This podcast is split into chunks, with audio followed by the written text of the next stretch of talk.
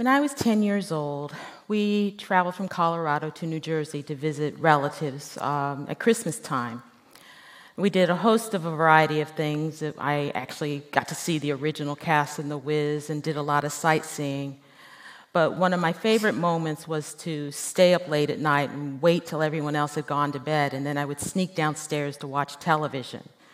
Um, a host of old movies that probably had no business watching, such as Bonnie and Clyde and um, Oklahoma. That was a little okay. But I remember one evening come across a show. Um, it was an old movie, and it, it must have been White Christmas or Holiday Inn of that type, but it was a musical. And I um, started watching, and then they started to do this musical scene, and I noticed I saw Bing Crosby in blackface. And I, it, I was confused. I, I couldn't quite understand what the blackface had to do with the singing and dancing. That was my introduction to blackface minstrelsy. Blackface minstrelsy originated in New York and not the South, as a lot of people would think, in the 1830s. It was an incident where white actors would blacken their faces with burnt cork, paint on bright red lips, um, exaggerate the whites of their eyes, and put on a tightly coiled wig to create caricatures of African Americans on the American stage. The typical minstrel show was a parody of black culture, song and dance and speech, interspersed with stump speeches, jokes, musical interludes, and theatrical skits. The cast included a roster of recurring characters. The interlocutor acted as the MC, you had Mr. Tambo and Mr. Bones as the end men. Then you also had characters like the clownish slave Jim Crow, which was also the name of the Jim Crow laws that we knew in the American South, or the maternal mammy, a hypersexualized wench, an arrogant dandy Zip Coon, and the lazy childish Sambo. The caricatures were often brutal but not to the white audiences who laughed at the antics of the illiterate slaves as they sat secure in their own superiority. The image of the dancing, simple minded buffoons captured the public's imagination and spread across the country like wildfire. Blackface minstrelsy grew to be the most popular form of American entertainment in the 19th century. Abraham Lincoln and Mark Twain spoke highly of the American minstrel show, applauding the characterizations and the source of its humor. But just as it entertained, it also dehumanized the subjects of its ridicule, leaving the abolitionist Frederick Douglass to describe blackface minstrels as, quote, the filthy scum of white society who have stolen from us a complexion denied them by nature. Ironically, after the Civil War, African Americans forged their own careers on the professional stage.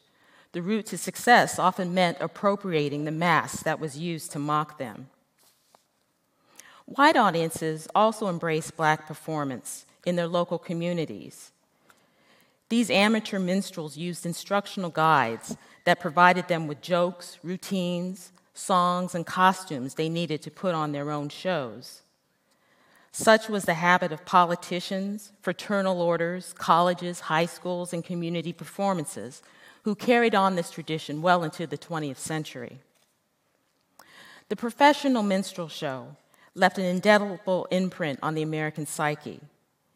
The images and racial stereotypes that continued to circulate in American society on sheet music, magazines, books, vaudeville, theater, film, television, radio, records, and all kinds of formats these stereotypes were a powerful reinforcement of the ideas of white supremacy and black inferiority.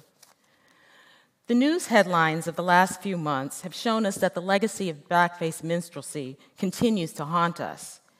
In a survey conducted by the Pew Research Center, they found that one in three Americans say that blackface is always or sometimes okay if it's used in a Halloween costume. So let me ask this question what is the appeal of darkening one's skin in order to impersonate someone of a different race? Blackface minstrelsy was born out of the realities of slavery and racial segregation, and its continual reappearance echoes the pain and suffering felt by black people whose bodies and cultures were presented as strange and grotesque. It is a persistent reminder of the racism and prejudices that bred its very existence. The way it infiltrated society is a clear example of how deeply ingrained racism is in this country. And the racial subjugation embodied by blackface minstrelsy and perpetuated through a continuum of its history is a form of aggression, a psychic wound that refuses to heal. Racial impersonation of any form cannot escape this legacy.